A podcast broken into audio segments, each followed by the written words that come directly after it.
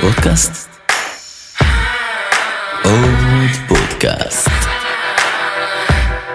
עוד פודקאסט לסטארט-אפים.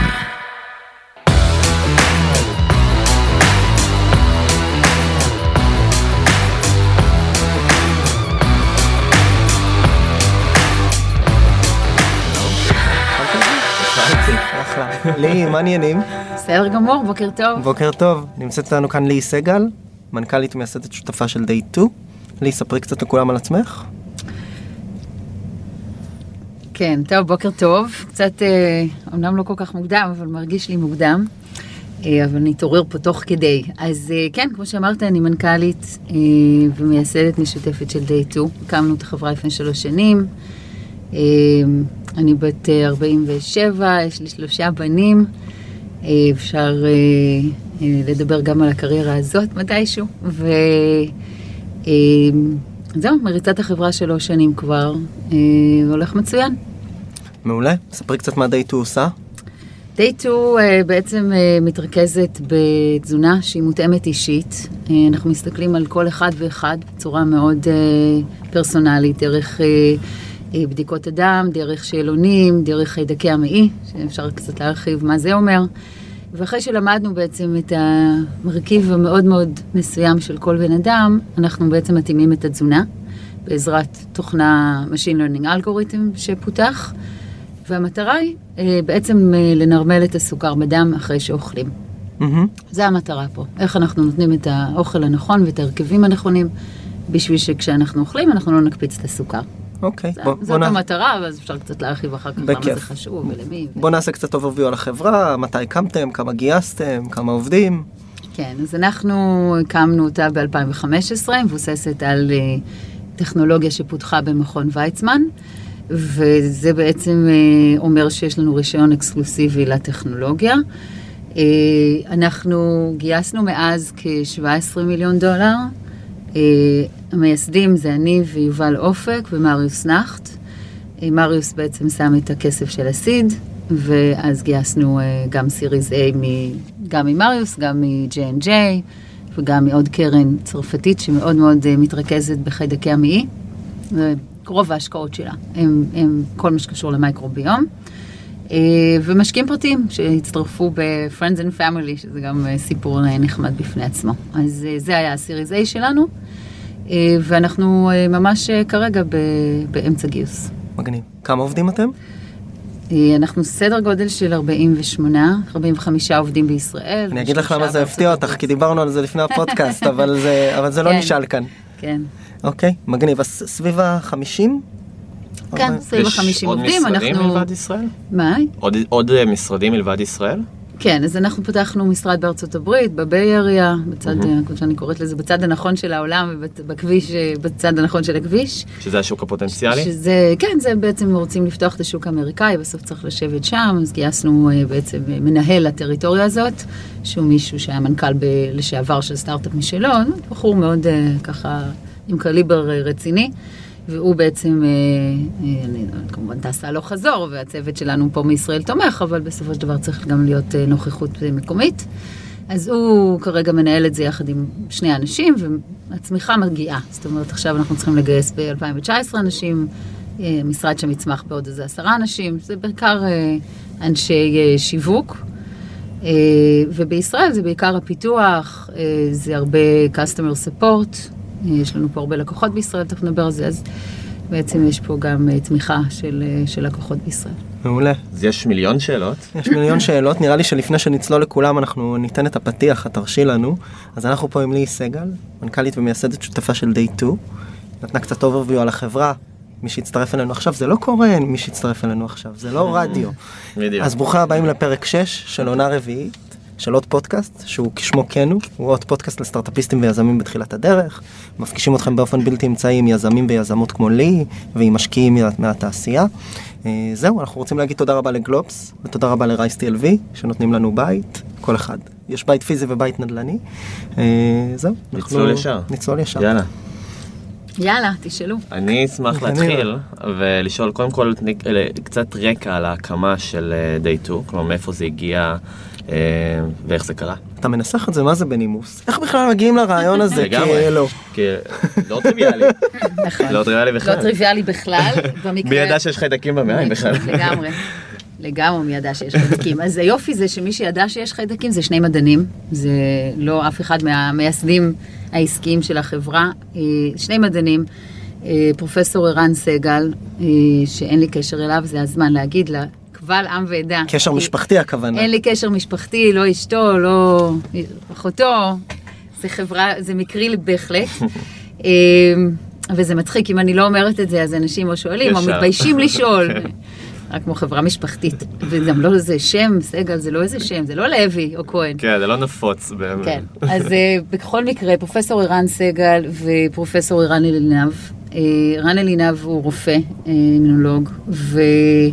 וערן סגל הוא אה, אה, מתמטיקאי, computational mathematician. ובעצם אה, כל אחד יש להם מעבדה משלו, של איזה 30-40 אנשים במכון ויצמן, והיופי זה שהם בעצם אה, הם מאחדים את המעבדות לצור, לצורך אה, מחקרים משותפים, והשילוב הזה בין רפואה, ביולוגיה, אה, מתמטיקה חישובית, הופך את העניין פה למאוד מעניין, כי מסתכלים על ה... בעצם על הפתרונות בצורה אחרת, בצורה של ביג דאטה, לא בצורה של בוא נפתח איזושהי תרופה או איזשהו מסלול ככה אה, ביולוגי מסוים, אלא מסתכלים על הדאטה בצורה של, של מתמטיקה, של משהו מאוד אפליקטיבי. אוקיי. אז תכף אני אסביר את זה עוד קצת, אבל בסופו של דבר מה שהם עשו זה החליטו לעשות מחקר מאוד גדול אה, על אלף איש, שבעצם מנסה לפצח את השאלה למה אנחנו לא מצליחים כשאנחנו עושים דיאטה. למה העולם פשוט נהיה הרבה יותר חולה, למרות כל הניסיונות למצוא את התזונה הבריאה, וברור לכולם שתזונה היא מרכיב קריטי וחשוב בבריאות. ועם זאת מסתכלים אחורה 30-40 שנה, והעולם, המחלה המטבולית, סוכרת, טרום סוכרת, התקפי לב, הכל בעלייה. אז הם... אה, הכל בעלייה בעולם הכל המערבי? בעלייה או בעולם או בכלל, בעולם גם בכלל? בסין, גם בהודו, משתוללת, המגפה משתוללת, היא הוגדרה כמגפה עולמית, מגפה, אה, כל המגפה המטבולית. ואז בעצם אה, הם מחליטים להסתכל על זה בצורה הרבה יותר מדעית. הם קודם כל סוקרים את כל הספרות והמחקרים שנעשו על תזונה, עד אותו רגע. והם מגלים שכל המחקרים נעשו בצורה מאוד לא מדויקת, אני אגיד, אני אגיד את זה ככה. אם חושבים על תזונה, אז יש, יש כמה דברים שמאוד קשה לעשות. אחד זה להפריד משתנים. נניח מחליטים לעשות מחקר ונותנים דיאטה מסוימת, ובסוף ה outcome, התוצאה הסופית של מחקר אחרי שלושה חודשים, אחרי שנה, בדרך כלל זה משהו מדיד אחד, משקל, או סוכר איזשהו בדם. פרמטר בדם. שהוא לא רציף, שהוא אחד, אה, שהוא סיכון להתקף לב, כן? או רמת שומנים, רמת סוכר, HbA1c, יש בדיקה כזאת, אבל זה, זה משהו שהוא מאוד לא רציף. הוא אתה- משתנה אז- גם בין בן אדם לאדם. כן, אבל אתה מודד בסופו של דבר פרמטר אחד. והם הסתכלו על זה ואמרו, ואז מה קורה? אתה נשאר עם איזושהי תוצאה אחת בסוף השלושה חודשים האלה. משקל עלה, משקל ירד. אה, מדד בדם עלה, מדד... אבל אתה לא יודע להגיד מה באמת השפיע. מבין כל אתה מה לא שקרה יודע, קודם. מה שנקרא מתאם וסיבתיות? כן, ומאוד קשה בגלל כן. שזה נמדד פעם אחת בסוף. אני זוכר שקראתי כתבה על ההוא שאכל פיצה במשך חודש וירד במשקל. אמרתי וואו, אוקיי. יש פה כן, איזה ו- משהו ש... אני- בוא נתחיל לאכול פיצות. אם אתה אוכל נכון. פיצה וגלידה ואתה בגירעון קלורי, אז אה, כן, נקודתית זה אתה יכול לרדת. במשקל. אז הם מחליטים לקחת איזשהו, אה, ל- לעשות את זה בצורה מדעית, ובדבר הראשון לעשות זה לקבוע את המרקר, מה, מה אנחנו מודדים שהוא שווה תזונה בריאה. איך אנחנו יודעים שמה שהכנסנו לפה, בריא או לא בריא. איך? כאילו, אני אומרת, באמת, מה היית אומר אם הייתי שואלת אותך, מה, מה המדד הזה? אז אנשים יגידו אם זה קלוריות? משמין או לא, קלוריות. היום המתקדמים שבינינו כבר יודעים להגיד, בואו נסתכל על רמת פחמימות באוכל, נכון? יש איזו תנועה אנטי סוכר שהיא היא מצוינת, היא, היא הרבה בזכות שני המדענים האלה, אני חייבת להגיד גם, מבחינת הדאטה שהם הביאו לעולם. אז ברור שסוכר זה דבר לא בריא. אז אפשר להסתכל על האוכל ולהגיד, אוקיי, אולי הסוכר שבו זה מדד. הם מחליטים להסתכל על קפיצת הסוכר בדם אחרי ארוחה. בואו נחשוב על זה רגע. הגוף שלנו נניח בצום, קמנו כולנו בבוקר, לא אכלנו שום דבר בלילה, הגוף באיזשהו baseline. ועכשיו אנחנו אוכלים משהו, כל דבר. הגוף מפרק אותו. בסופו של דבר מפרק לסוכר.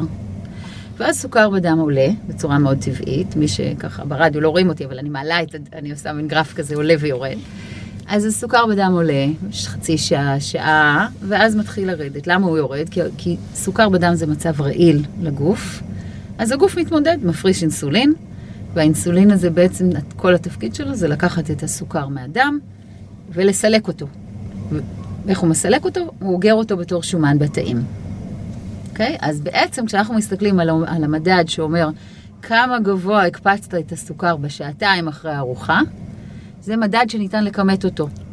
כל פעם אחרי שאתה אוכל. אז הם בעצם אומרים, בוא נקבע את זה כמדד. עכשיו למה? רק נעצור רגע ונגיד למה. כי כשאנחנו מסתכלים על הגוף שלנו ועל מטאבוליזם בכלל, ככל שאנחנו מקפיצים יותר את הסוכר בדם, יש שורה שומן. של מחקרים, לפני השומן, שורה של מחקרים שאומרים שעצם ההקפצה הזאת היא גורם סיכון למחלות. זה הוכח.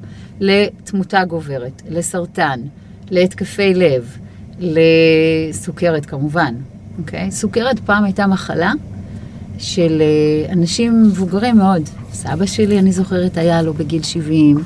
באיזשהו גיל המערכת מתעייפת. לי יש שני חברים עם סוכרת. אז בדיוק, ואתה מאוד צעיר.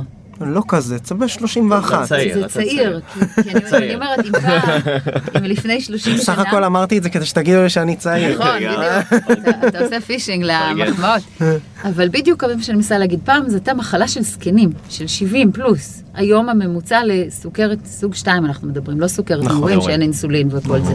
אלא ה- באמת ה- אה, אה, abuse לסיסטם נכון, זה abuse לסיסטם, והיום אנחנו רואים אנשים עם 40 ו-50 בגיל הממוצע שמקבלים אה, סוכרת 2, ואנחנו אפילו כבר רואים ילדים, פעם לא היו ילדים עם סוכרת 2. אז. המערכת משובשת בוודאות. אז אין ספק שגם כאנשים בריאים שרוצים לעשות מניעה ולחיות יותר בריא, ההסתכלות על סוכר אחרי ארוחה זה מדד חדש, שאני אומרת שוב, כמעט אני רוצה להגיד הובלה על ידי ההובלה של זה. יש, יש כמה אנשים, גרי טאב, לא משנה, כמה אוקיי. okay. אנשים בארצות הברית שבעצם התחילו את התנועה הזאת, אבל הם הראשונים שהראו בצורה גורפת אה, על אלף אנשים את ההשפעה, את ה, איך, איך מזונות שונים מקפיצים את הסוכר לאנשים שונים. אז, אז בוא רגע, בוא. רגע, סופר מרתק ויש לי תחושה שדווקא ברגע זה עשית לעצמך שירות רע מאוד כי אנחנו הולכים לשאול אותך הרבה שאלות על הדבר הזה. זה בסדר גמור, אבל, אני אשמח... אבל, ל- אבל לפני זה דווקא כן הייתי רוצה כן. שנייה לקדם את אז- ה timeline ב context. כן, איפה סליחה. זה, פה- איפה המחקר פגש באמת את הרעיון של נכון. DayTwo סביב מכון ויצמן גלשתי. אתה רואה, מה passion על הדבר. אנחנו נחזור, אחת, אנחנו, משהו אנחנו אחר. נחזור לשם כי אני בטוח שגם היזמים שמ- שמאזינים עכשיו אמרו רגע עזוב שנייה סטארט-אפ בוא, בוא. צודק. מה- מה עם בוא הבריאות שלי? ש- אז, אז תכף, לא, כי זה הכל מתקשר בסוף, כי, כי בסופו של דבר, אז, אז שני המדענים, הם אה, עשו את המחקר הזה, אפשר אחר כך להמשיך אותו, אה, ובסופו של דבר אה, פיתחו טכנולוגיה, Machine Learning אלגוריתם, שיודע לחזות את תגובת הסוכר האישית של כל אחד מאיתנו. האישית של כל אחד האישית בהתאם של למה כל שהוא אחד, אוכל. בהתאם למה שהוא אוכל, בהתאם לגוף שלו. אוקיי? ואז כמו מכון אה, מחקר, יש להם תמיד אה, גוף שבעצם מנסה לראות האם ההמצאות הן כאלה שניתנות להיות אפליקטיביות אה, בחוץ. אה, כן, אם הם מפתחים את אה, אז בסוף אה, נושאים לייסנס. מן הסתם. אז באותו, על, אותה, על אותו רעיון, מאחר ויש פה משהו שהוא נוגע לכל אחד מאיתנו, הם החליטו למצוא קבוצה שבעצם תיקח את זה ותפתח סטארט-אפ על זה ותמכור את זה בסוף לשוק. אה, מריוס נכט השתתף בניסוי שלהם, גילה שהוא טרום סוכרתי, גילה את התגובות האישיות שלו, שינה את התזונה, הוריד את הסוכר אה, בדם. בקיצור, סיפור הצלחה. איך מגיעים אה, לבן אדם כמו מריוס נכט ממחקר כזה? מריוס נכט הוא איש שתורם הרבה מאוד דברים, יש לו הקשרים טובים עם נשיא מכון ויצמן, משתתף. מהקשרים שלו. ואני רק אגיד, הוא יכעס עליי, אני רק אגיד, הוא ממש יכעס עליי, שאני כן. מכיר באופן אישי כמה פרויקטים שהוא תורם להם, באופן אנונימי, ולכן אני לא אחשוף את הפרויקטים. אז די לחכימה ברמיזה, שלבו את כן. ה... אני לא מכיר קשר למכון ויצמן, סביר להניח שזה הקשר כזה. אז בכל מקרה עניינו אותו להשתתף, הוא השתתף, הוא התלהב, ואז בעצם הוא פנה ליובל אופק, יובל אופק הקים את דיבי מושן, אה, סטארט-אפיסט בעצמו, מכר אה, את החברה לאולסקריפס ב-2013. הוא פנה אליו, כי הם פילנטרופים ביחד הקימו אה, בית ספר אה, בינלאומי בכפר הירוק. בקיצור, הם, הם שניהם אה, תורמים מאוד לקהילה. ויובל אה, הביא אותי בעצם, אה, כשאני ויובל הייתי CFO, הייתי סמנכ"לית הכספים של DB Motion, עבדנו כמה שנים טובות ביחד, אנחנו צוות מעולה, והוא בעצם אה, אמר, אה, פרויקט מאוד מעניין, הוא לא רצה למנכ"ל אותו בעצמו. שבע מהמנכ"לות, אה, ואמר בוא, בואי תבואי את, תמנכ"לי את את הפרויקט. ובעצם שלושתנו הקמנו את החברה. מה זה בעצם אומר כשלוקחים טכנולוגיה מתוך מכון כמו מכון ויצמן? שבעצם עושים משא ומתן מאוד ארוך ומייגע במקרה הזה, אה, אבל בסופו של דבר אה, אה, מקבלים רישיון שהוא בעצם רישיון אקסקלוסיבי לאותו אלגוריתם שפותח. בדרך כלל המדענים נשארים מעורבים, לפחות אצלנו הם, הם מאוד מעורבים, גם ברמת החברה ובאמת בכל דבר שצריך. גם פיתוחי המשך, יש לנו עדיין קשר מצוין למכון ויצמן בפיתוחים עתידיים ומחקרים, אה, מחקרי המשך שאנחנו עושים ביחד. אז אה, אני תמיד אומרת שיש שם איזשהו אתגר כשלעצמו, כשלוקחים טכנולוגיה. אה, אני, אני ותיקה מאוד, כן, בתור סמנכ"לית צפים, אבל אה, הסתובבתי הרבה שנים בתעש, בהייטק, כל מיני סוגים. אני יודעת להתמודד עם board, אני יודעת להתמודד עם בעלי מניות, הדברים הרגילים, הבעיות הרגילות. אבל פתאום כשלוקחים טכנולוגיה ממכון, יש תוספת שהיה לי קשה לצפות אותה מראש, וזה שלקחת משהו שהוא, שהוא ה baby שלהם. יש פה שני מדענים שבאמת באו עם, עם, עם גילוי אה, להוריד את הכובע, אוקיי? באמת הולך לעשות משהו מאוד משמעותי בתחום בריאות של אנשים. אה, באמת בתור אה, אה, מחקר, בתור הרצון לשפר את העולם. והם באים ונותנים את זה ל- לשלושה founders שעכשיו אמורים להוביל את זה. ומצד אחד הם מעורבים, ואנחנו, יש לנו את כל האינטרס שהם יהיו הכי מעורבים בעולם, ומצד שני הם לא full time, אה, ובאמת בהתחלה היה צריך ככה להגיע לאיזשהו balance שאומר איך אנחנו מצליחים לעבוד טוב ו- ויעיל, ובסטארט-אפ מקבלים, כן, לא צריכה לספר לכם, 100 החלטות ביום. ואי אפשר לערב אותם בכל ההחלטות האלה. מצד אחד. מצד שני, יש החלטות שהן החלטות קריטיות, שאתה רוצה שהם יהיו מעורבים, כי הם גם מבינים יותר, ובטח בהתחלה. אה, אז, אה, אז ככה למדנו בהתחלה איך לעבוד, ואיך לערב אותם, ואיך לשאוב זמן, אבל לא לשאוב את כל הזמן שלהם. ו... אז, אה, והיום זה, אני רוצה להגיד, זה עובד מצוין, אבל זה, זה, זה עבר איזשהו, צריך להסתגל לזה, זה עבודה שהיא טיפה במוד אחר. זאת אומרת, יש פה יתרונות מחד, כי לקחתם בעצם טכנולוגיה או איזשהו פתרון מתודולוגי שמבוסס מחקרית, ועובד, נכון. ומצד שני הכנסתם פנימה, מה שנקרא, למיטה, גם את חברת המסחור של, אה, של מכון ויצמן, את ידע. נכון. וברמה הבין אישית, יש לכם שני חבר'ה שבעצם עמלו על המחקר הזה בתוך המכון. אני לא נכנס כרגע ל royalties וכדומה וכדומה, אבל ברמת ה passion זה, בדיוק, זה ברמת הם. זה שלהם. זה. שלהם. אז זה עוד שני כן. פאונדרים, כאילו. לגמרי. ככה אוקיי. אנחנו, אנחנו בטח מתייחסים, אה, וגם הם, אני חושבת שגם התפיסה שלהם זה ככה, זאת אומרת, זה- באמת ה baby שלהם, רוצים לראות שזה יצליח, אה, וזה זה עובד טוב, וזה לא טריוויאלי. אה, שזה יעבוד טוב, כי באמת אני שמעתי על הרבה מאוד חברות אחרות שעשו דברים דומים, לכל אוניברסיטה ל- לרמות, ויש באוניברסיטת תל אביב, ולא לא כולם מדווחים שזה עובד אה, חלק. זאת אומרת, יש פה גם מימד אה, פרסונלי שמאפשר לזה לקרות. כן, בהחלט, הם אנשים אה, מדהימים, והם אה, הם אה, משקיעים? והם אה, באמת תומכים, וטסים כשצריך, ובאמת אה, מנסים אה, לעזור ולקדם, וגם, שוב, גם מנסים, אה, אני תמיד אומרת שיש המון, בגלל שהנושא הוא כזה מדהים, אז פנו אלינו חברות מזון, חברות פרוביוטיקה, חברות אה, ספל, אה, ויטמינים. שרוצים באמת שאנחנו נוסיף, והם, אה, מה שמייחד אותנו מאוד זה שאנחנו מאוד מאוד מבוססים על המדע, וה-DNA הזה זה DNA שלהם, כן? אנחנו לא מדענים. הם הביאו את הקרדיביליות הם הביאו את הקרדיביליות ואנחנו עמלים צריך מאוד קשה. לשמר את הקרדיביליות. כן. אז כשבאה אליי חברה כזאת ופרוביוטיקה, אז אני פונה לשני הפרופסורים האלה ואומרת, מה הדעה? מה אנחנו חושבים על פרוביוטיקה? אנחנו יכולים להגיד משהו אחרי שעשינו מיפוי, אנחנו יודעים להגיד שצריך לקחת את זה או את זה, והאונסטי הזה שהוא הוא מובל מדעית, הוא משהו שאנחנו משמרים אותו בזכותם, ודואגים לשמר אותו בזכותם. יפה, ואיך בעצם אה, נכנסים לסבב גיוס אה, אחרי בעצם הסיד, עם, עם, עם, עם כמו כל חברה כזה? אחרת. אה, יש זה- אתגרים אבל שבעצם יש לא רק פאונדרים מהמייסדים אלא גם בעצם את המדענים לא, זה? זה בעיניי לא, זה לא משנה. זאת אומרת, עשינו חוזה, חתמנו על חוזה, כמו שאמרת, עם, עם ידע שהוא חוזה שהוא מקובל בשוק. דאגנו לדברים שצריך לדאוג מהם בשביל שכשמישהו יבוא ויעשה due diligence, אז הוא לא ימצא בורות, הוא לא יחשוב שיש להם איזשהם זכויות. וברגע שאתה שומר על הדברים הבסיסיים שצריך לשמור, קרי, לא למכור את החברה לאף אחד לפני שמכרת אותה באמת, כן? וזה נכון גם לשיתוף פעולה מול J&J. תמיד אני נשאלת, אז מה, איזה זכויות נתת ל-J&J? יש להם זכות אה, סירוב ראשונה במכירה של החברה? לא, בוודאי שאין להם. אה, אתה דואג, אנחנו מספיק מנוסים בשביל שהפלטות האלה לא יקרו. אז, אז זה באמת, השיתוף פעולה שלנו עם המדענים ועם מכון ויצמן רק עושה לנו טוב. בסופו של, בסופו של דבר. ברור, ברור. בשורה התחתונה זה קרדיביליות מדהימה, וזה גם, זה לא רק שם, זה תמיכה יומיומית אה, בחברה. בואי נשאל, אני לא מאמין שאני שואל את זה כי אתה כאילו השתמשת בזה, אבל בואי נדבר על מה בתכלס אתם עושים. בסוף איך נראה המוצר של החברה ואיך היום מישהו שמאזין וכבר כן. זנח את המיזם שלו בשיחה הזו ואומר איך אני בודק את רמות הקפצת הסוכר שלי, כן. מה, מה אתם מאפשרים לו לעשות? כבר עשיתי משהו טוב כי כן. הצלחתי את המסר הזה להעביר, אנחנו מבלבלים קצת את, ה, את, ה, את הלקוחות שלנו בגלל החיידקים, אז הרבה חושבים שאנחנו בודקים דברים שאנחנו לא באמת בודקים. אה, אז מה שקורה זה שאנחנו היום פתוחים בצורה שהיא direct to consumer, אה, מוכרים ישירות, אפשר לבוא לאתר ל-day2.com ולקנות. ואז מה זה אומר? זה אומר שאנחנו מבקשים למלא שאלון, אה, והשאלון הזה, הוא, יש בו הרבה מאוד אינפורמציה שאנחנו משתמשים בה באלגוריתם, זה חשוב להבין. זה לא סתם שאלות.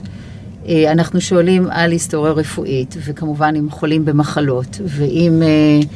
אה, איזה לייפסטייל, איזה אורח חיים יש לנו, האם אנחנו ישנים, כמה אנחנו ישנים, מתי אנחנו רעבים, אה, איזה סוג של ספורט אנחנו עושים, אם אנחנו מעשנים או לא. כל השאלות האלה אה, נכנסים ב feature, כפיצ'רים באלגוריתם, הרי אלגוריתם Machine Learning, יש שם הרבה פעמים שואלים אותי, אז איך את יודעת, מה, חיידק, וסליחה, וכמובן גם לוקחים את חיידקי המעי, תכף נדבר על זה, אבל שואלים אותנו סיבתיות. האם, למה יש לי את החיידקים האלה? האם זה טוב או רע? ואנחנו לא יודעים להגיד, וחשוב גם לא להגיד, הנס, אנחנו נורא קרדיבילים ולא אומרים מה שאנחנו לא יודעים. הפיצ'רים באלגוריתם, אה, יש שם איזה 70 פלוס, או אפילו אולי מתקרבים ל-100 פיצ'רים בתוך האלגוריתם הזה, ויש עצי החלטות, כן? למה? כי אחרי שהוא רץ על 4,000 עצי החלטות, הוא החליט ש... כן, זה תוכנה פרדיקטיבית. אז, אז אנחנו משתמשים בכל המידע הזה. בדיקות דם, אנחנו מבקשים מאנשים ללכת, להביא בדיקות דם מקופות מאיפשהו. אמ, שיבדקו כן, בבית. תבדקו בבית. תמלאו לנו את בדיקות, את התוצאות, ומשתמשים, משתמשים ב-HbA1c ובפסטינג גלוקוז ובכל מה שמבקשים שם. אז, וגם בחיידקי המעי. חיידקי המעי בעצם מגיע שליח הביתה, מביא ערכה, עושים בדיקת צואה, אה, שזה בלי היה... הש... בלי השליח. בלי השליח, עדיף שהוא לא יהיה. האמת שתמיד אומרים לי, מה, וזה, וזה, אי אפשר לאסוף את זה במקום אחר, מצטערים, אי אפשר לאסוף את זה כרגע במקומות דרך הפה או דרך הרוק. חיידקי מעי בסוף... אוספים דרך המעי. שם אוספים, כן. אה, אני חייבת להגיד, לא יודעת, אתה עשית את זה, שהבדיקה היא...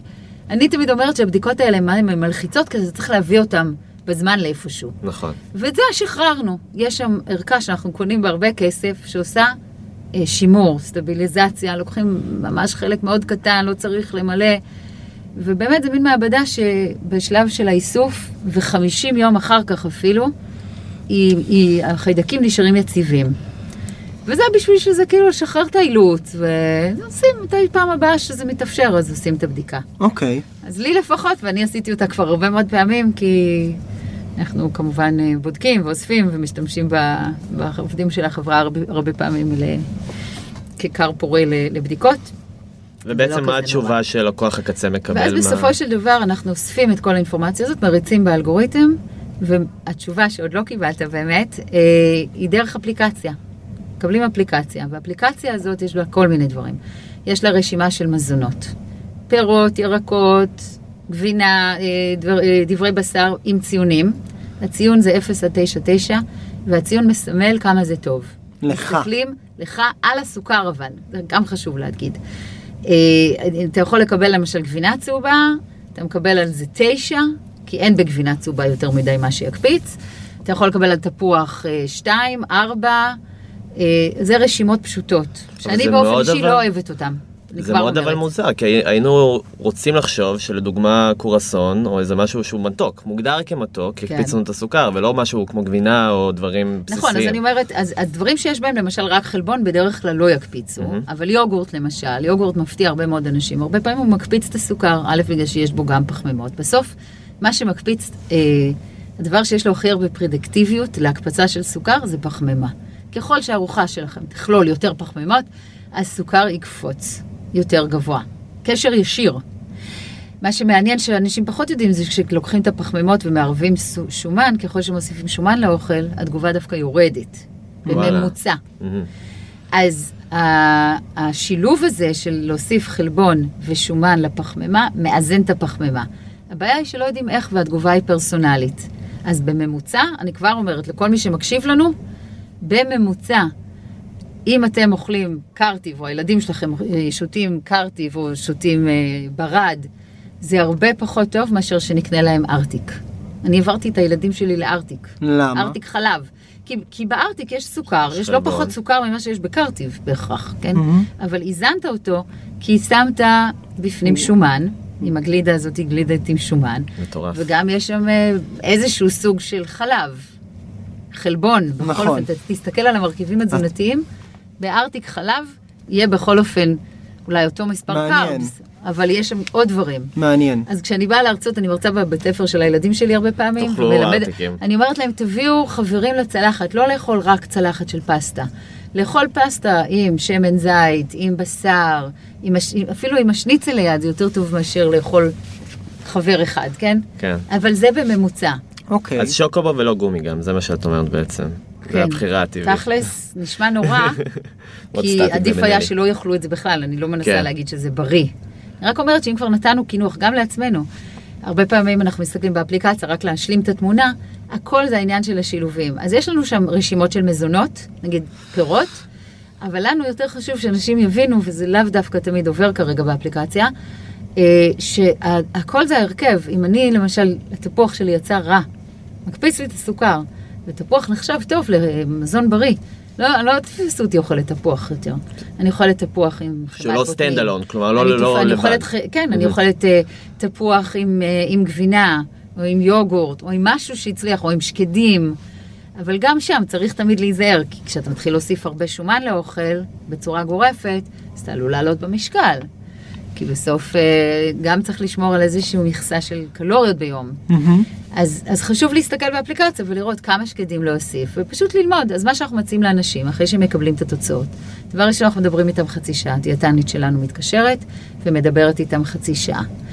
onboarding, להסביר קצת, תשמעו, זה, זה קונספט מורכב. מאוד. לא פשוט, הוא, הוא משנה את הזאת... כל התפיסה של נכון, דיאטה. אנחנו משנים פרדיגמה. פתאום מסתכלים על שילובים, פתאום מסתכלים על סוכר והקפצה של סוכר. מקבלים באפליקציה שלנו דברים שלכאורה נראים מזעזעים, כן, אנשים מתחילים לאכול בשר שמן והרבה מאוד גבינות שמנות, כי זה, כי בשר וגבינות שמנות לרוב האנשים זה ציון טוב. אין לא בהם פחמימות, כן. זה לא מקפיץ, אבל בואו תיזהרו רגע, צריך לאכול שומן שהוא שומן בריא. כל הדברים האלה, להעביר אותם באפליקציה, כשזרקתי אותה על מישהו בלי תמיכה, זה הרבה יותר קשה. כן. ולכן אנחנו כן מתקשרים וכן מנסים להסביר שזו תזונה מאוזנת, ולא לשכוח פירות וירקות, אז לערבב את הפירות נכון.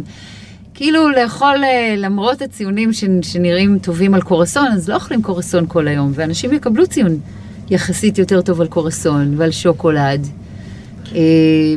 מנקודת מבט של שירות לקוחות, אני רגע רוצה כן. לפתוח פה, יש פה איזה משהו שהוא מאתגר כביכול, התעסקות הזאת עם לקוחות קצה, שאתה גם אחראי כביכול על הבריאות שלהם, כן. ועל שאלות אולי קשות שיעלו מהתוצאות. ששלחתם דרך אפליקציה, לדוגמה, אם אני חולה באיזה מחלת X, אה, דרך התוצאות, אז אני שואל, כלומר, האם יש אוקיי, אז פה א', איזה אנחנו משהו... לא ניתן לך שום מידע רפואי, זה ברור. אם אתה לא יודע על איזה מחלה, אנחנו לא נדע אותה, כי אתה, אתה, אנחנו לא לקחנו בצורה עצמאית, אנחנו לא רואים דרך חיידקי המעי שאתה הולך למות. אם כן, וחס וחלילה נגלה משהו כזה, כמובן נגיד לך ללכת לרופא, אנחנו לעולם לא ניתן לך, זה לא, זה לא מוצר רפואי כזה בסוף. אבל מה שכן חשוב לנו לעשות זה להבהיר אה, את, ה, את המסר שלנו של אם משהו לא טוב לך, תשלב אותו. אנחנו מאוד מנסים להגיד כן לאוכל, ולא לא. עכשיו, למשל, יש דיאטה, את הדיאטה הקטוגנית, או את כל התנועות האלה שבואו נוריד סוכר ופחמימות מהתפריט, זה הרבה פעמים מאוד אפקטיבי, גם להורדה במשקל וגם לאישור של גרף הסוכר שלך. הבעיה שרוב האנשים לא יכולים לחיות ככה לאורך זמן, אז הם עושים את זה אולי חודש, ואז הם חוזרים, ואז גם יש שיבושים, כי כל היו-יו הזה הוא עוד יותר גרוע. אנחנו בעד משהו שאפשר לחיות איתו לאורך זמן, ולשמחתנו, מה שהתגלה גם במחקר, זה שאפשר להמשיך לאכול פחמימות, למרות שהן נוטות להקפיץ את הסוכר, עם שילוב נכון שמאזן. של חלבונים ושומן. ואז אתה גם מקבל אפקט כזה של רוגע, ובדרך כלל, אני גם אומרת, רוב האנשים. כן? יש אנשים שזה לא עובד אליהם. אנחנו רואים גם לקוחות אה, ש, שלא מצליחים, אנחנו מנסים לעזור להם. לא, יש, אה, הגוף הוא גוף מורכב, ולא 100% מהאנשים עושים את מה שאנחנו אומרים להם, וזה מצליח להם 200%. למה אבל? כלל- האם זה בגלל הקטע אני הטכנולוגי? חושבת או שבדרך בקטע- כלל אנשים פשוט לא אוכלים את מה שהם חושבים שהם אוכלים. בסופו של דבר, צריך לאכול נכון, צריך לאכול את מה שאנחנו אומרים לך לאכול בכמויות נכונות, וצריך להקפיד. משמעת. זה לא, בדיוק, זה גם, זה לא פותר את בעיית המשמעת של האוכל.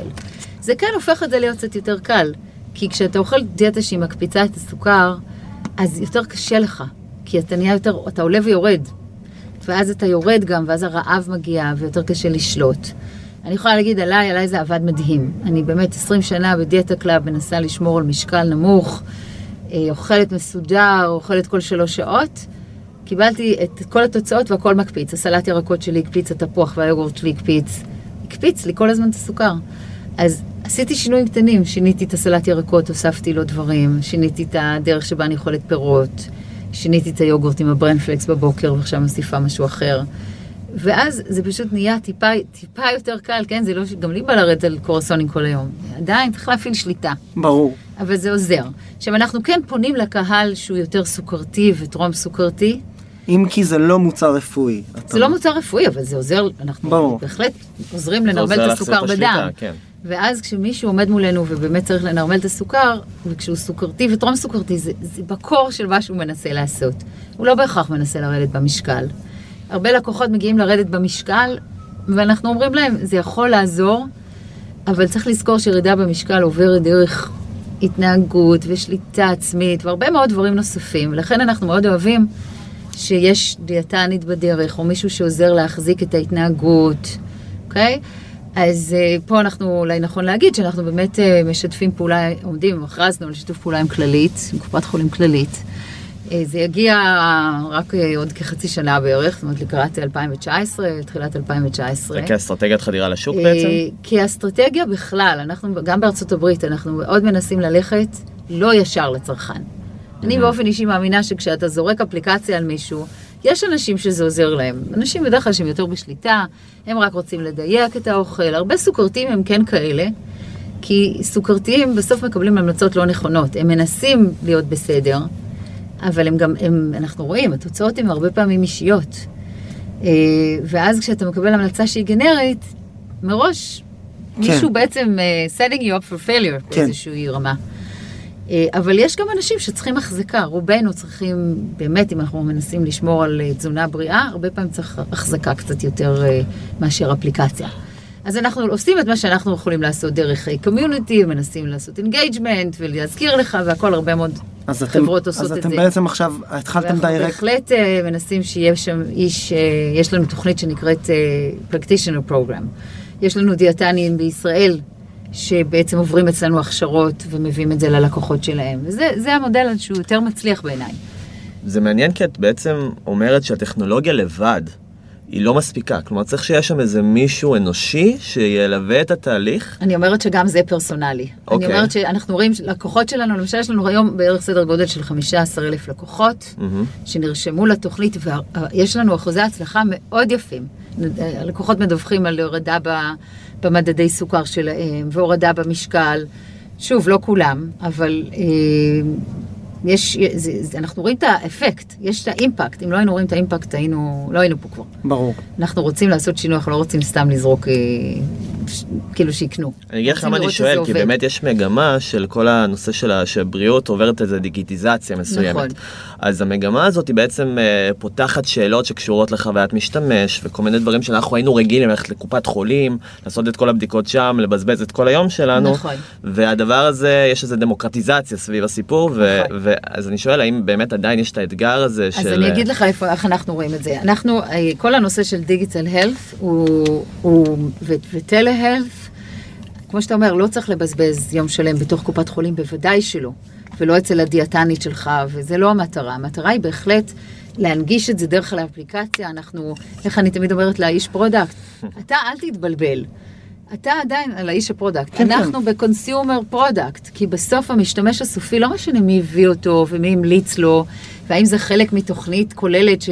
של איש סוכרתי שמקבל את ההסתכלות של הרופא, אבל אה, בסופו של דבר אנשים מסביב, אם זה כל היום, הם רוצים ברקוד בסופר בשביל לקבל ציון בקלות ולסרוק, הם רוצים שכשהם מסתכלים, אה, נכנסים לסניף של Starbucks, אז יהיה במאגר Starbucks, והם יכולים באמת לעשות search היום על כל, בארצות הברית, על כל, על כל, אה, חנו, על כל אה, מסעדה שיש לה מעל 20 סניפים, הכל באינטרנט. אז אוקיי. המאגרים שלנו יודעים לשאוב את זה. אז אתה נכנס היום ל Chipotle או ל Cheesecake Factory, אתה יכול לקבל את כל המניו עם, עם הציון של די 2 ולבחור את ה... בעתיד הייתי רוצה למשל טנביס וסיבוס, למשל נכנסת כבר להזמין אוכל, בוא נעשה לך איזשהו קישור שאתה תוכל. לראות מה מתאים. לך. אז אני, אנחנו very consumer focused, זה לא מה שניסיתי להגיד. אוקיי. אבל אני כן חושבת שבמיוחד כשאתה מסתכל על אנשים למשל שיש להם סוכרת, סוכרת זו מחלה שבסופו של דבר אני יכולה לבוא כ-food as medicine, שזה מה שאני מנסה לבוא, ולהגיד התזונה יש לה מרכיב מאוד חשוב, זה לא רק תרופות. אבל מישהו בסוף צריך להסתכל על הפציינט הזה בצורה כוללנית, כחלק מה, מהתהליך הטיפולי בו. כן. ו- ובעצם להגיד לו בוא תעשה day 2, כי ביחד עם התרופות, שאולי לא נוריד אותך בכלל מהתרופה או מהאינסולין בינתיים, אבל אתה צריך לקבל גם את הפוד כמדיסן, כ... בצורה אז, שהיא... אז, אז שהיא- זה לגמרי, וזה הרבה בטלהלט, למשל אה, בכללית, שהם הולכים באמת לתמוך בעזרת דיאטניות אה, שלהם. זה, זה לא יעשה בזה שתיכנס לקופת חולים בהכרח, זה, נתן ב, זה ניתן באונליין. זה גם אמצעי שיווק. עבורם במובן מסוים. כן, אני אומרת, אז כן, אבל אה, אה, אז לגמרי יש מקום ל digital health ולעשות את זה מרחוק ולתת לך בתור user לקחת שליטה על הטיפול שלך. זה לא מחליף את כל זה. אני כן חושבת שלפעמים יש איזשהו limitation, במיוחד בתזונה, ומה אפשר לעשות אה, בלי איזשהו גישור. ולכן אנחנו כן דואגים, עכשיו תראה, אם האפליקציה תשתפר לרמה כזאת, שבעזרת סרטים ווידאו, ו, והיא, למשל אנחנו הולכים להציע אלטרנטיבות, כן? אם אני אתן לך ציון לא טוב על תפוח, אני בהחלט דרך האפליקציה יכולה לעשות עבודה יותר טובה בלהגיד לך, הנה, אם תשלב את התפוח עם א', ב', ג', ד', זה יוריד לך את הציון. כן. אתה לא צריך את הדיאטנית שם. אמ, אז זה פרסונלי, אנחנו רואים הרבה לקוחות שמצליחים לבד, אנחנו רואים לקוחות שמתקשים לבד, ואז אנחנו בהחלט מפנים אותם לאחד מהשותפים שלנו. אה, אז זה, במיוחד בתזונה זה לא לגמרי פשוט תמיד לעשות לבד. דיברת על זה שיש לכם 15 אלף משתמשים, קצת לא, דיברנו קצת על המוצר, המחיר גם, הוא עולה כמה מאות דולרים, נכון? המחיר הוא בישראל 1,350 שקלים, בארצות הברית זה סדר, זה סדר גודל דומה, 350 דולר, פה יש מע"מ, שם פחות מע"מ. אז חמ- 15 אלף, 15 אלף, 1,500? פספסת. 15. 15 אלף, זה, המ- זה המון, איך מגיעים לכל כך הרבה משתמשים שמוציאים כל כך הרבה כסף כדי כן. לקבל מוצר, זה לא אפליקציה. מקבלים ערכה לבית, נותנים דגימת נכון. צואה, אז תראה, מחזירים אותה, זה האסל. נכון? איך משווקים כזה דבר, על לפני כללית? כן, בכלל. אה, נכון, כללית זה הסוף של התהליך. אה, אנחנו פה בישראל אה, עובדים הרבה דרך אה, PR. אה, תראו, זה גם מוצר שמאוד מעניין אנשים, אז אני רוצה להגיד, א', יש לנו איש PR מעולה. מותר לי להגיד? חד? משמעית. מותר. לי להגיד מי הוא? מותר אם לא. אתה, אנחנו נגיד. אז זהו, אז אין ספק, קוראים לו אופיר אבסלנדר, והוא מהמשרד של, של רוני חסיד, ולקחנו אותו בצורה, הוא עובד. איתנו בצורה אה, רציפה, ו, והוא טוב מאוד כשלעצמו, וגם, איך הוא אומר, אה, עם כל הקרדיט שאני נותנת לאופיר, גם המוצר עצמו, הוא באמת מעניין, יש אוקיי? ויש סיפור? מכון ויצמן, ומכון ויצמן כשלעצמו זה משהו שהוא הוא מרתק, יש פה מדע, ומדע מהפכני וחדשני, אז, אז גם אנשים אה, רוצים לשמוע על זה, אז באמת, אני אומרת, ברמת ה-PR, אה, הצלחנו באמת להגיע ולהעביר את הבשורה דרך, הנה, הזמנתם אותי לפודקאסט, כן? אז, אז זה האלמנט גם היזמי אולי. Mm-hmm. אבל יש הרבה מאוד אנשים שמתעניינים, בין אם זה רופאים, אה, ובין אם זה אה, אנשים אה, בטלוויזיה שניסו. ובאנו ולתת תוצאות, את התוכנית של גיא זוהר, מאוד מאוד גדולה, על, על כל הנושא של חיידקים בכלל, ואז השתלבנו בה, הוא בא למכון ויצמן הרבה מאוד, אה, עשה שני פרקים, אז גם זה נתן קפיצה מאוד גדולה, כי פתאום הייתה חשיפה. אז רוב המשתמשים הם ישראלים? אז היום בערך 85% מהלקוחות הם ישראלים. וואו. כן, לא, פתחנו בישראל אה, לא, בהתחלה. לא, בסדר, הרוב- זה כמות מאוד גדולה, לא, לסוג כמות מאוד- המוצר וסוג התמחור. נכון, זה נכון. אני חושבת שתראה, הקפיצה קרתה גם כשאנשים התחילו להצליח. זאת אומרת, ראינו באמת איזשהו שיפט באיזשהו שלב של, אה, אה, של, של אימפקט שחבר מביא חבר. שתראו, אני, זה מצחיק, אני, כשאני התחלתי, אני לא, אף פעם לא עשיתי direct to consumer. אה, יתרונות וחסרונות. אז כשהייתה לנו את התוכנית הראשונה, אני לא זוכרת מה זה היה, בחדשות, נף גלבוע, זה... נערכנו בחברה כאילו שעוד שנייה השמיים עומדים ליפול עלינו. ואז אנשי השיווק הסבירו לי ש-PR לא מביא באמת לקוחות. PR עושה, מצטבר, PR זה דבר מצטבר, ועוד נגיעה ועוד נגיעה ועוד נגיעה, ובסוף אה, זה יגיע למסה קריטית. עכשיו, אנחנו חשבנו שזה יגיע הרבה יותר מהר. כאילו, אתה מסתכל על המשקיעים שלנו ועל הפרוג'קשנס הראשונים שלי, הם היו מאוד חיוביים, הרבה יותר מדי חיוביים. וכולנו נחלנו ככה קצת מן, ה- רגע, איך לא מיד אה, נהרו פה לקנות את הדבר הזה. אה, כי גם רוב הבורד שלנו לא מכר לקונסיומר, אז באמת כולנו חיינו בדעה שמה, אם הייתי בטלוויזיה פעם אחת, זהו. כל מי שראה אמור לבוא לקנות. אני חושבת שהשינוי קרה גם באמת באימפקט. זאת אומרת, ברגע שיש מישהו שהוא מגיע למקום העבודה שלו, והוא מספר מה הוא אוכל ואיך הוא מצליח, ועם הסוכר שלו, יש הרבה אנשים בקהילה המדעית היום, הרפואית אפילו, אני אגיד, שרואים שאנשים מצליחים. אה, אז זה עושה אפקט שלעצמו. מה שנקרא word of mouth בעצם. word of כלומר, mouth. מישהו המליץ כן, עם למישהו. הרבה שמישהו- PR, כן, אי אפשר ברור, שמגובה word- ב-PR. נכון, בדיוק, שמגובה ב-PR, תוכנית כזאת, בהחלט אה, של גיא זוהר כזאת, בהחלט הקפיצה הרבה מאוד מהמודעות, מי שראה אותה עבר את הג'רני, כן, כן. את המחקר, ואחר כך אותנו, וגיא זוהר בעצמו עשה, אז זה גם עשה מין אה, סיפור כזה של customer journey, שהיה PR, אני אגיד אפילו מצוין, בהעברת מסר, כן. חברה, אה, אתם חברה טכנולוגית, מבוססת בסוף גם על מחקר. בסוף יש לנו מפתחים. יש כן. מפתחים. יש מוצר פיזי, יש, אתם עושים direct to consumer, אתם. פועלים ב-wellness וב-health. ידע שזה חברת מסחור של זה נמצאת שם, איך באמצעות כל החבילה הזו, שכחת להגיד שיש לנו מעבדה. מעבדה, כל החבילה הזו שהיא non-obvious למשקיעי הון סיכון, כן. איך מגייסים אה, 17 מיליון דולר? כן, זאת שאלה מצוינת. זאת חברה, אה, הסיריס A, באמת, אה, אם אתה מסתכל על הפרופיל של המשקיעים, אה, זה משקיעים שנדלקו. זה, צריך לחשוב פה איתנו מחוץ לקופסה.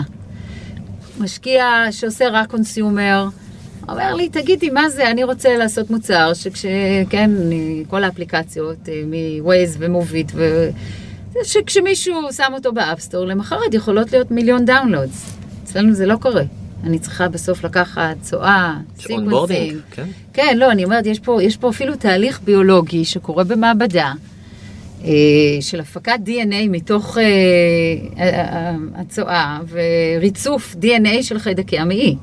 יש פה מעבדה בסוף, בין אם זה יכול להיות ב outsourcing, כן? כרגע אנחנו עושים את זה בעצמנו, אבל זה לא בהכרח יום אחד זה יהיה commodity כמו בדיקות דם, כמו שאני לא עושה את הבדיקות דם, אבל היום בהחלט יש מעבדה שם, יש תהליך. ולכן ל-pure consumer focus זה לא בהכרח מתאים. למשקיעים שמסתכלים על פיתוח תרופות, זה לא, גם לא זה. זה לא FDA wise. כן, אנחנו בהחלט בדרך ל-FDA, כאילו, לא דיברנו פה על, על פלטפורמה, בסופו של דבר יש לנו פה פלטפורמה של מייקרוביום, של חיידקי מעי, שזה משהו, אני רוצה להגיד, צדדי באג'נדה שלנו. אנחנו אוספים פה הרבה מאוד data מאוד מאוד קריטי, שהיום החברה קמה בבוקר ומתפקסת במוצר, היום ה, שדיברנו על הניהול סוכר בדם, אבל יש קבוצת research שיושבת ועכשיו מסתכלת על כל הנושא התרפיוטי בכלל דרך חיידקי המעי.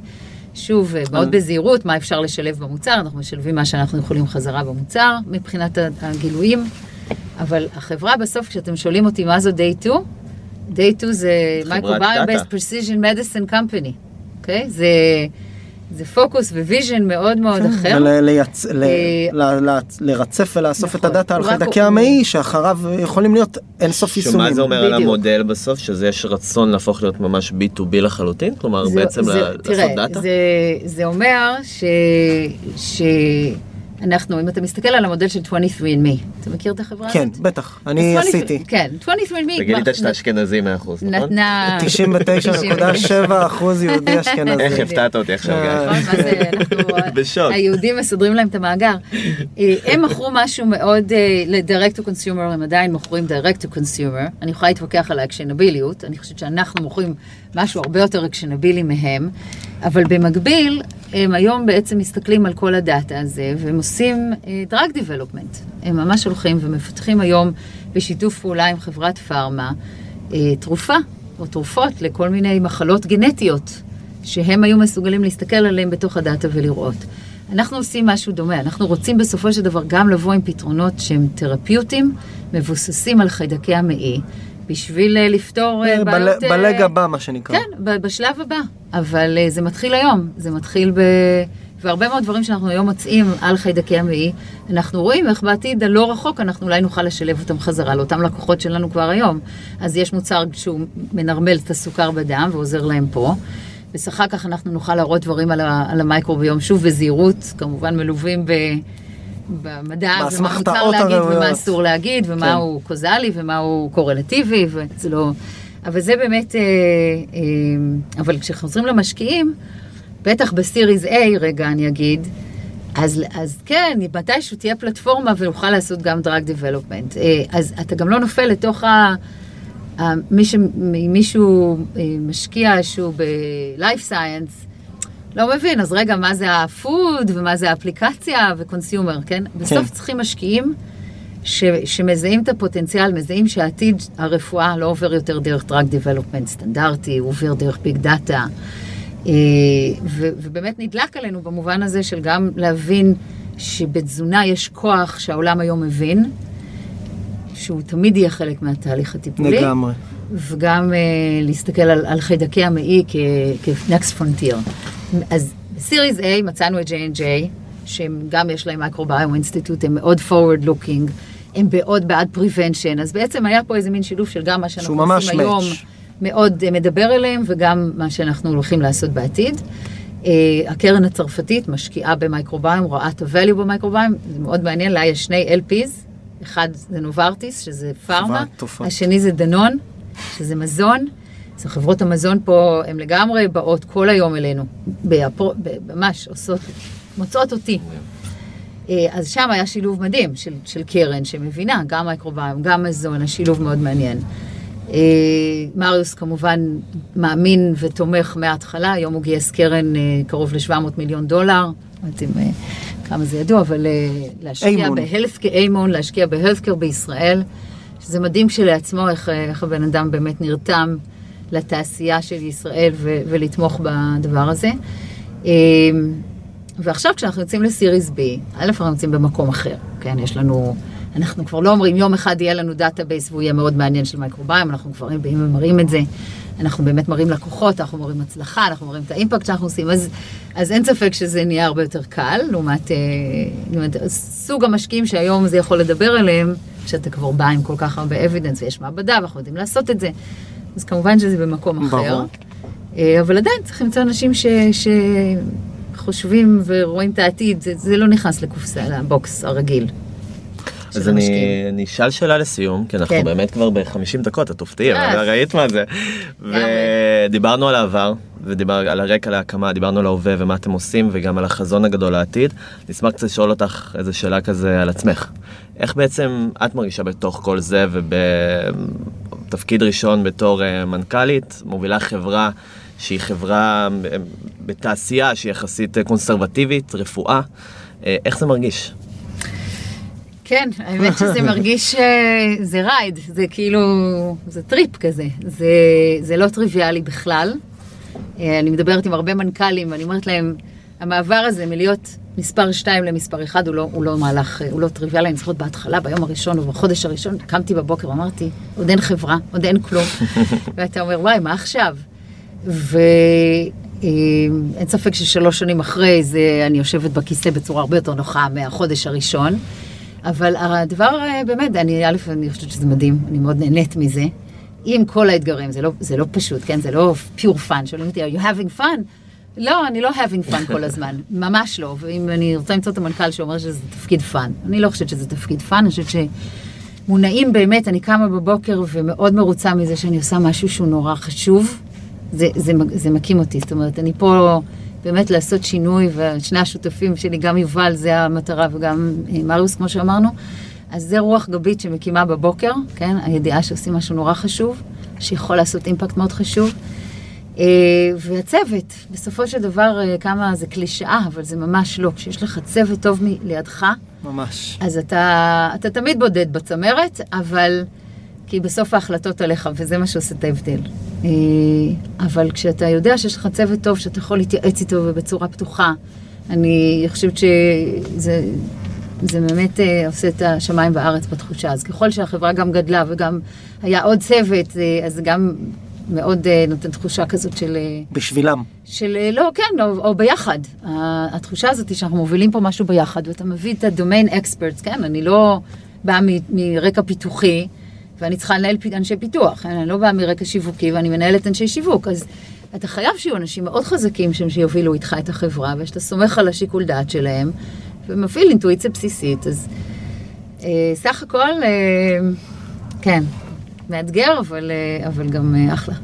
מאתגר אבל גם אחלה. מאתגר אבל גם אחלה. זה אחלה, זה החיים, החיים, כן. החיים. לי, תודה רבה. תודה רבה. ממש נהנינו. תודה. גם אני, תודה רבה.